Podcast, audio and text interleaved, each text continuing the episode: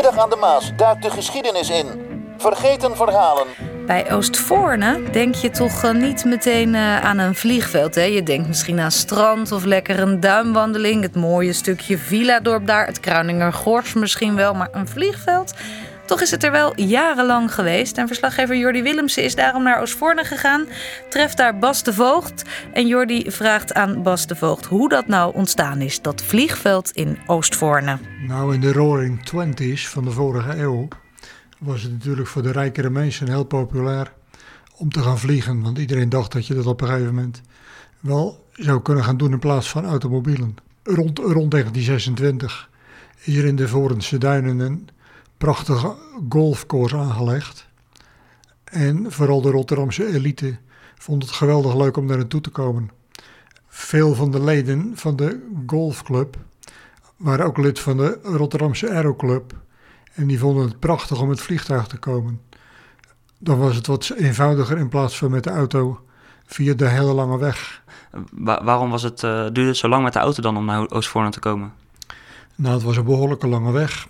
De Groene Kruisweg, zoals die er later is gemaakt in de jaren 30, bestond nog niet. Dus je moest via al die dorpjes, dijkjes en grindwegen, moest je, ja, was je gewoon een paar uur onderweg om bij Oostvoorne terecht te komen.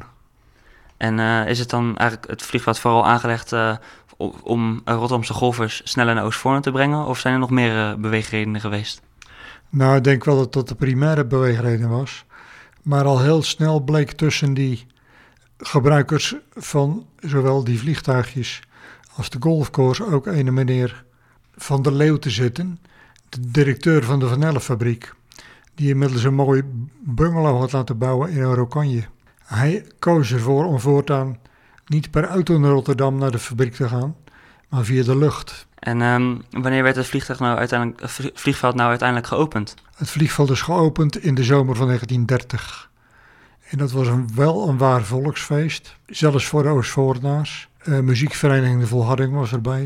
Er was een enorme feesttent op het terrein. En er werden demovluchten gegeven door de Nederlandse luchtvaartschool. Ondanks die feestelijke opening, wat toch een erg goed begin lijkt, uh, ging het niet altijd even goed met het vliegveld, toch?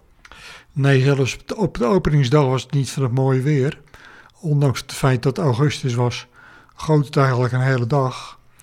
En lukte het gezelschap van genodigden met een groot fokkertoestel niet om te landen op het met water doorzeefde, doordrenkte vliegveld. En deze afwateringproblemen kwamen later nog uh, vaak terug. Nou, het is uiteindelijk ook het, de, het, de reden geweest om het vliegveld niet langer in stand te houden. Want het kostte hartstikke veel geld. Nou, inderdaad. Ze hebben het eerst gedaan door een uh, windmolentje aan één kant neer te zetten die de boel droog maalde. Maar dat bleek onvoldoende. In een later stadium is er ook nog een uh, motorpomp neergezet. Maar die kostte zoveel aan brandstof dat het niet te doen was. Want uiteindelijk begreep ik, begreep ik van u dat uh, die belangrijke klant wegviel, die uh, van der Leeuwen. Uh, sindsdien is het, zeg maar, het vliegveld eigenlijk ten onder gegaan. Nou, Dick van der Leeuw, die gebruikte het vliegveld en zijn toestelletjes, hij had meer dan één toestel. Veel voor zakenvluchten, niet alleen naar Rotterdam heen en weer. Maar die vertrok wel eens van Oostvoorne. Is hij onder andere naar Mombasa toe geweest. Ik denk dat hij gewoon koffiebonen of uh, tabaksbladeren daar ging kopen. Hij zal door heel Europa heen met zijn toestelletje. Door heel Europa vloog hij dus die directeur van Van Elle, Dick van de Leeuw. En vanuit Oostvoorne naar allerlei bestemmingen. Maar als hij in Rotterdam moest zijn, dan landde hij op vliegveld Waalhaven. En daar gaat het op een dag in slecht weer gruwelijk mis. Nou, hij was op zakenvlucht naar Hastings in Engeland. En op de terugreis richting Rotterdam uh, wilde hij een tussenlanding maken in Oostvoorne, want het was erg mistig weer. Toen hij uiteindelijk dacht dat het wel zou gaan, is hij opgestegen richting Waalhaven. Maar in de buurt van de Waalhaven tra traden er weer flarden een hele dichte mist op, waardoor hij niet goed de landingsbaan kon zien. Hij had inmiddels heel veel snelheid verloren tijdens het draaien en zoeken. En toen heeft hij kennelijk een te scherpe draai gemaakt, waardoor de, het vliegtuig naar beneden stortte. En na zeven uur zoeken hadden ze het toestelletje gevonden. Maar Van der Leeuw was natuurlijk verdronken. Eigenlijk kan je wel terugzien in de geschiedenis dat na het overlijden van Van der Leeuw de belangstelling voor het vliegveld enorm afnam.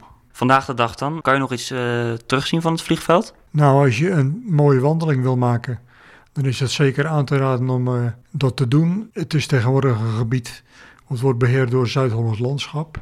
En er is zelfs een speciale vliegtuig, vliegveldwandelroute.